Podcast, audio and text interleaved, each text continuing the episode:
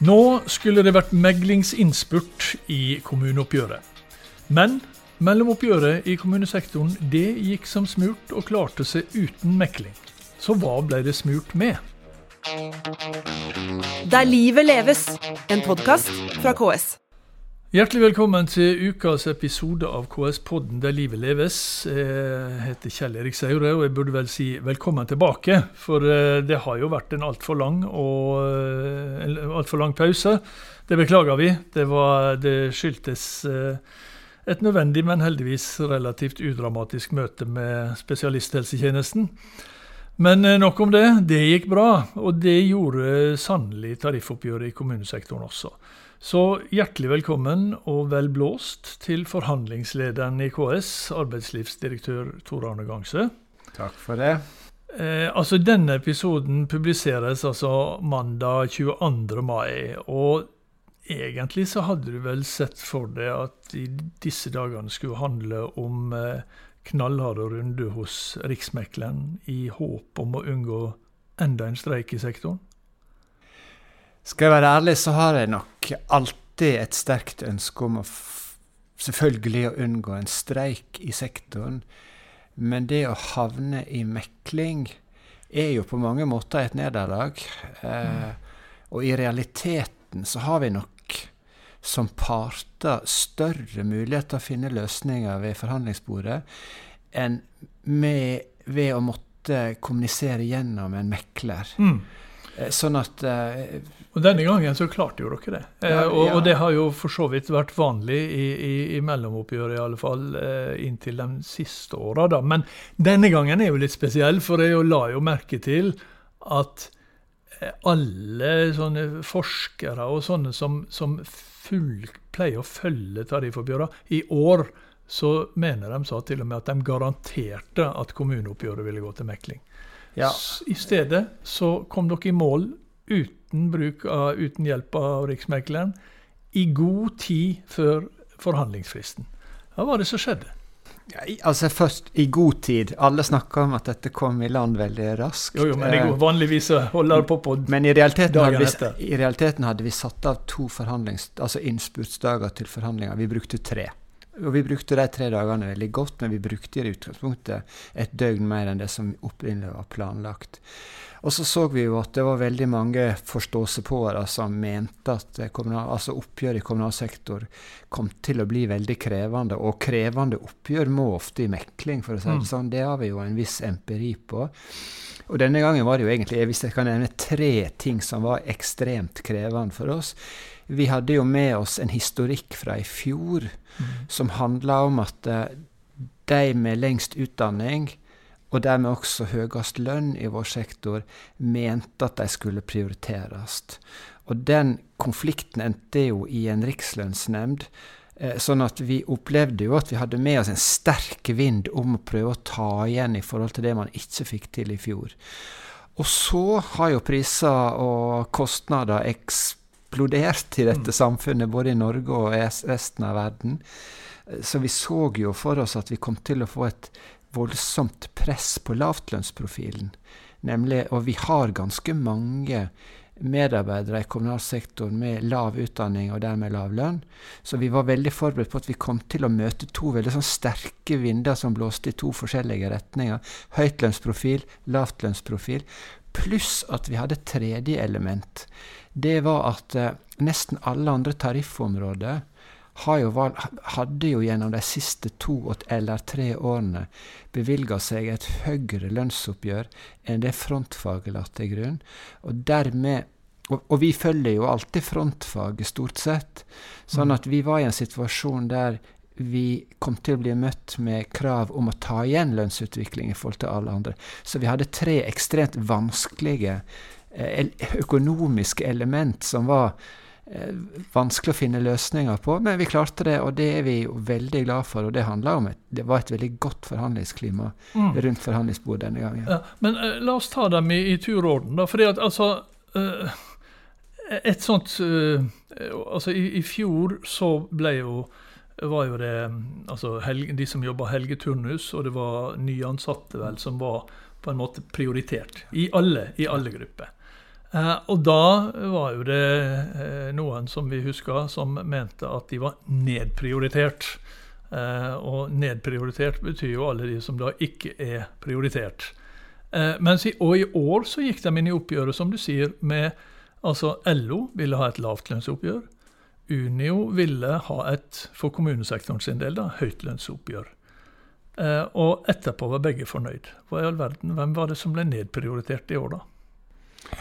Ja, og, og, vi hadde et mandat fra vår side som handla om å prøve å finne en løsning på dette ved å se alle. Ja.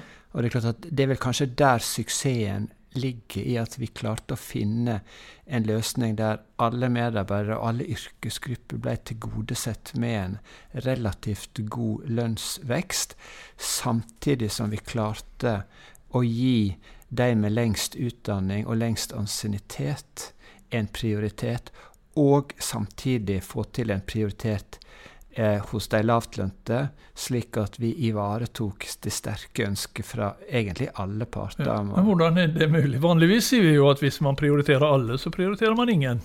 Ja, Denne gangen hadde vi også ganske mye penger i oppgjøret. Det, det, er, mm. mange, det er mange år siden det har vært et såpass eh, et, et lønnsoppgjør med så mye penger. og det er klart at det er jo som man alltid sier, det er jo pengene folk lever av, det er jo ikke prosenter. Og når det er lite penger i et oppgjør, så blir det ofte veldig fokus på prosentene. Denne gangen tror jeg de fleste ser at det kom betydelige lønnstillegg for alle ansatte i kommunal sektor. Mm.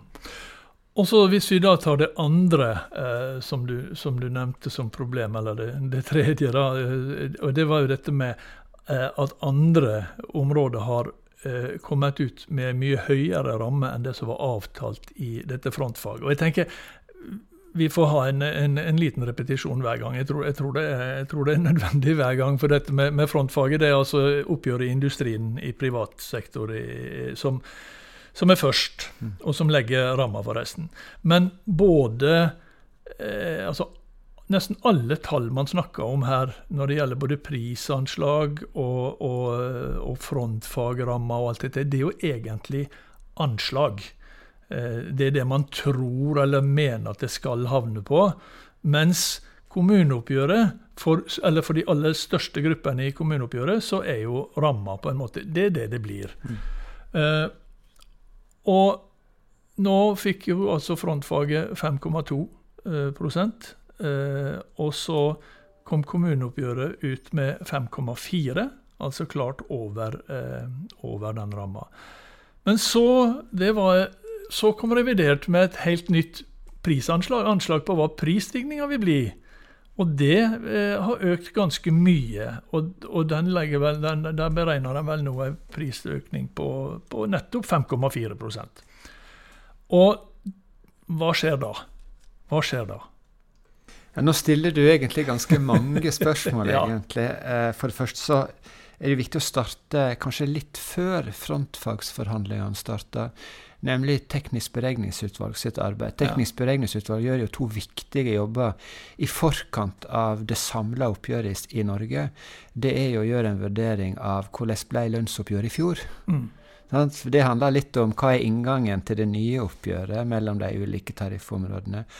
Og så gjør eh, Teknisk beregningsutvalg et annet viktig arbeid. Det er å, å, å bli enige om et prisanslag. Altså et anslag på hva man i fellesskap skal legge til grunn for lønnsoppgjørene i Norge. Ja. Og så er det jo sånn at teknisk beregning, nei, at eh, frontfagsforhandlingene det er jo ikke de reelle lønnsforhandlingene nei. i privat sektor.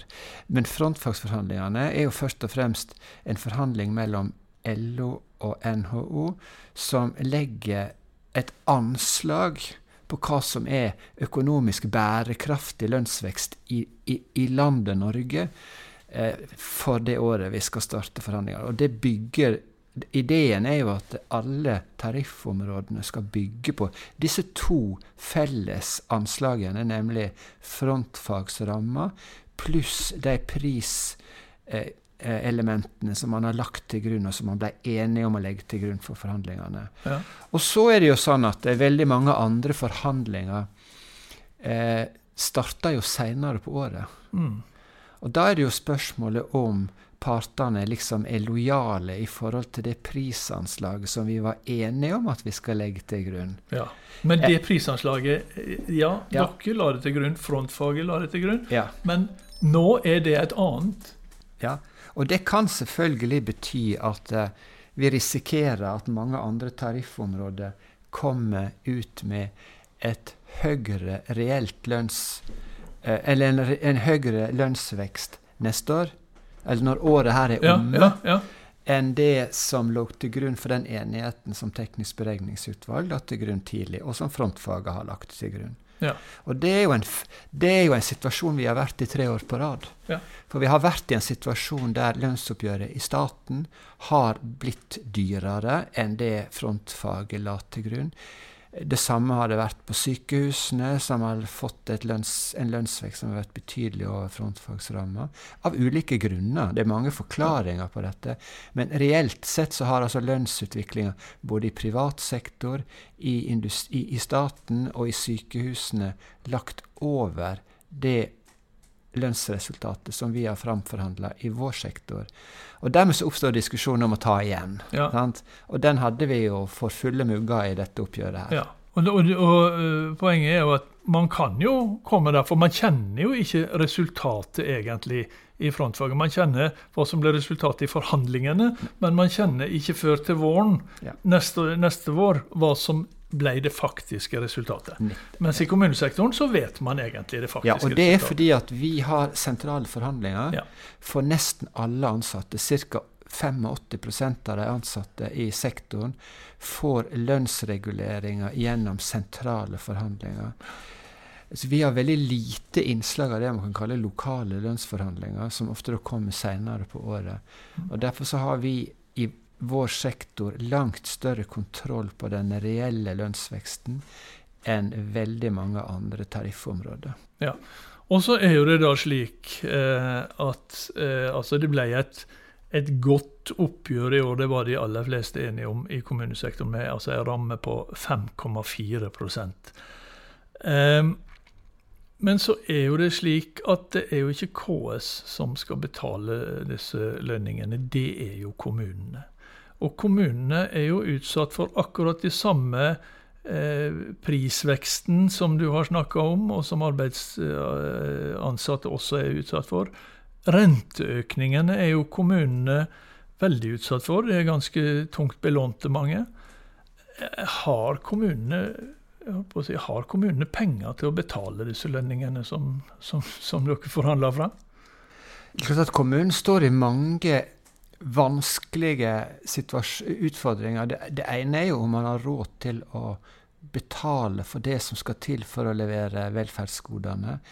Den andre diskusjonen er har man råd til å la være å være i en situasjon der du klarer å tiltrekke deg nødvendig arbeidskraft for å gjøre det samme?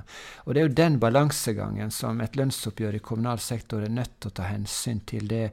Hva er den økonomiske bærekraften, og hva er evnen sektoren har til å rekruttere riktig og kompetent arbeidskraft for å levere velferdsgodene? Så vi må liksom klare begge deler.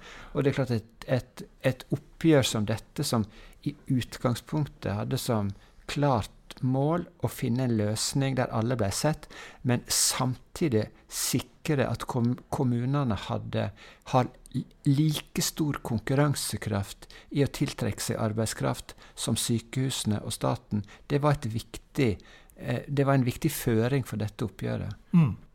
Du, uh, Tor Arne Gangse, vanligvis iallfall i, i krevende oppgjør, så ligger ofte en del av løsninga i å avtale eh, noe for neste års oppgjør og binde opp noe for neste år. Neste år er jo det hovedoppgjør. Ligger det noen sånne bindinger i årets resultat?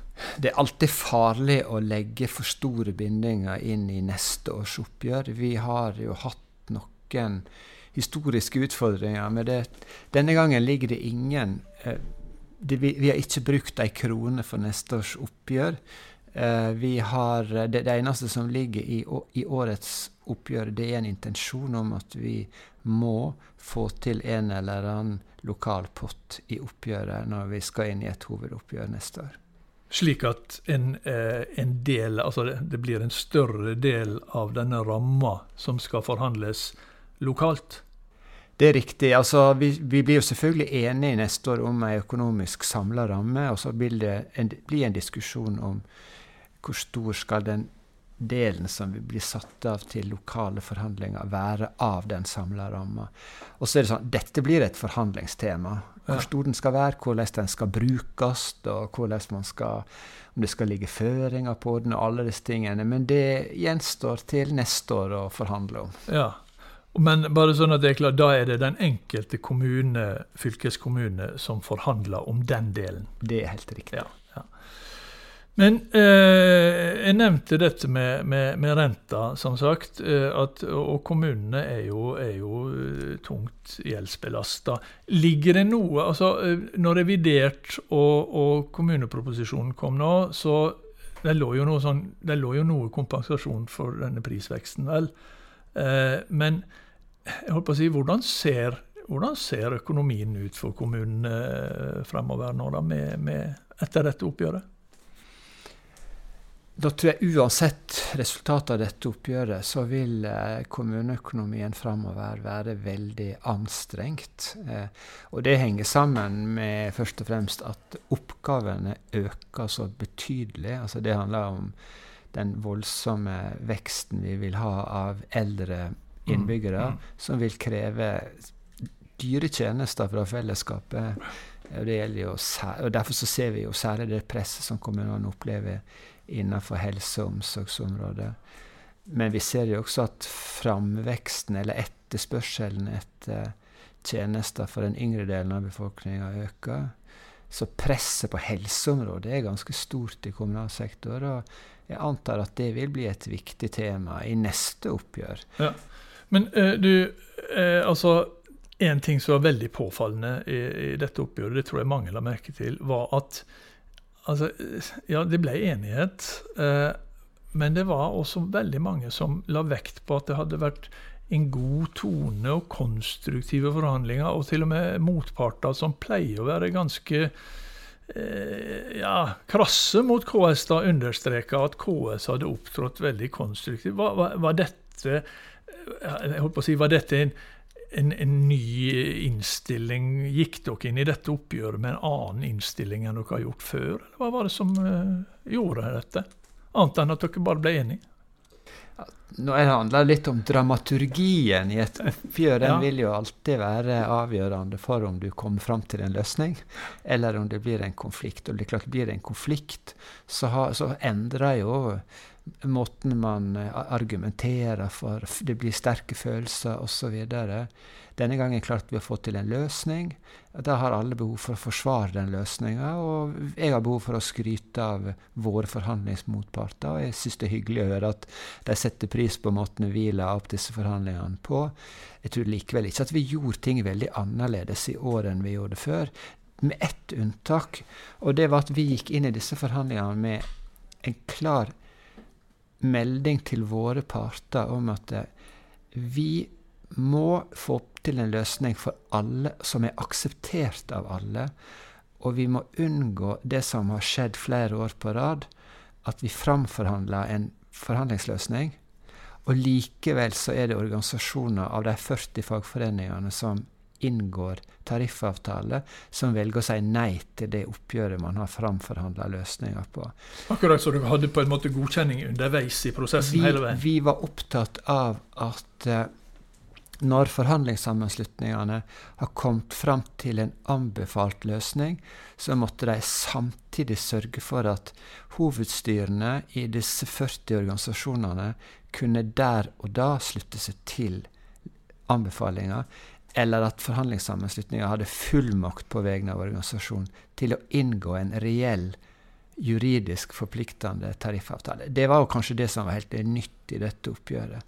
Det så jeg også ble framheva fra var vel forhandlingssjefen i Unio, som sa at dette var en ny taktikk tror jeg det var kalt fra, fra KS sin side, som virka veldig godt. Da er det vel noe å ta med seg videre også, da. Ja, vi, dette, er jo, dette, er jo, veldig interessant for oss. For det er klart at vi som sektor som forhandler for nesten 500 000 medarbeidere, vi ser at hvis vi havner i en konflikt med én eller to eller tre av eh, fagforeningene av 40, sant? så er vi veldig låst. Altså, det er veldig vanskelig for oss å finne løsninger hvis det er inngått avtaler med de aller fleste, og så er det noen som sier nei. Så, så det er jo noe vi alltid er nødt til å ha med oss, eh, hvor vi skal klare å unngå. Og så, og så er det klart at alle var jo skeptisk til om det var mulig å få til en ja, forhandlingsløsning. Ja. Mm -hmm. Så det er klart at vi var også opptatt av at hvis vi havna i mekling, så måtte vi ha noe å gå på der også. Ja. Vi kunne liksom ikke gi fra oss alle kortene før mekling. Og, og, dermed så måtte vi jobbe på en litt annen måte. For vi jobber jo eh, i forhandlinger i kommunal sektor, så er det jo å teste ut hva hen er smertegrensene, hva er mulig å få til. Og det er jo det vi bruker alle disse dagene til, det er å finne ut av hvordan kan vi klare å forene LO og Unio, f.eks., som har veldig ulike innganger i et oppgjør. Mm. Så denne gangen nådde vi et punkt der vi til slutt sa at OK, vi er villige til å strekke oss lenger, forutsatt at det blir en løsning. Men, men, hvis det ikke blir en løsning, så må vi slutte nå. For da må vi ha med oss et eller annet. Ja en mulighet inn i meklinga. Og Hvis det ikke hadde blitt løsning, så hadde altså fristen vært ved midnatt den 24. mai. Og eh, da kunne det eh, gått hvilken vei som helst. Men nå ble ikke det det. Betyr det at eh, du har mer eller mindre kunnet tatt ferie fra 1. mai og får en rolig mai og juni og kan nyte våren? Aller først er jeg veldig glad for å slippe å håndtere en streik. Det det er ingen som drømmer om å håndtere en streik. Eh, og så er det jo sånn at for en arbeidslivsdirektør så er kalenderen stappfull av, av oppgaver. Uh, uavhengig av om det blir en streik eller det blir mekling. Det som skjer hvis det blir mekling, så er jo bare å rydde og utsette alt og sørge for å få gjennomført akkurat det. Og så må man bare ta det som er dytta ut i tid, igjen på et eller annet tidspunkt. Så akkurat nå så håper jeg at vi kan bruke den altså, gleden alle opplever at vi fikk det til, til noe konstruktivt. Sånn at inngangen til neste oppgjør igjen, som er et hovedoppgjør, ja. eh, blir enklere enn om vi nå hadde drassa med oss nok en konflikt inn i et nytt hovedoppgjør. Men hovedoppgjøret det, er altså, det begynner altså til neste vår, og da ble det ingen streik i kommunesektoren i år. og... Eh, det er vi glad for, alle sammen. Eh, og så er vi veldig glad for at du kom hit, eh, Tor Arne Gangsø. Og eh, så er vi tilbake med en ny episode. Nå er vi tilbake neste uke. Der livet leves, en podkast fra KS.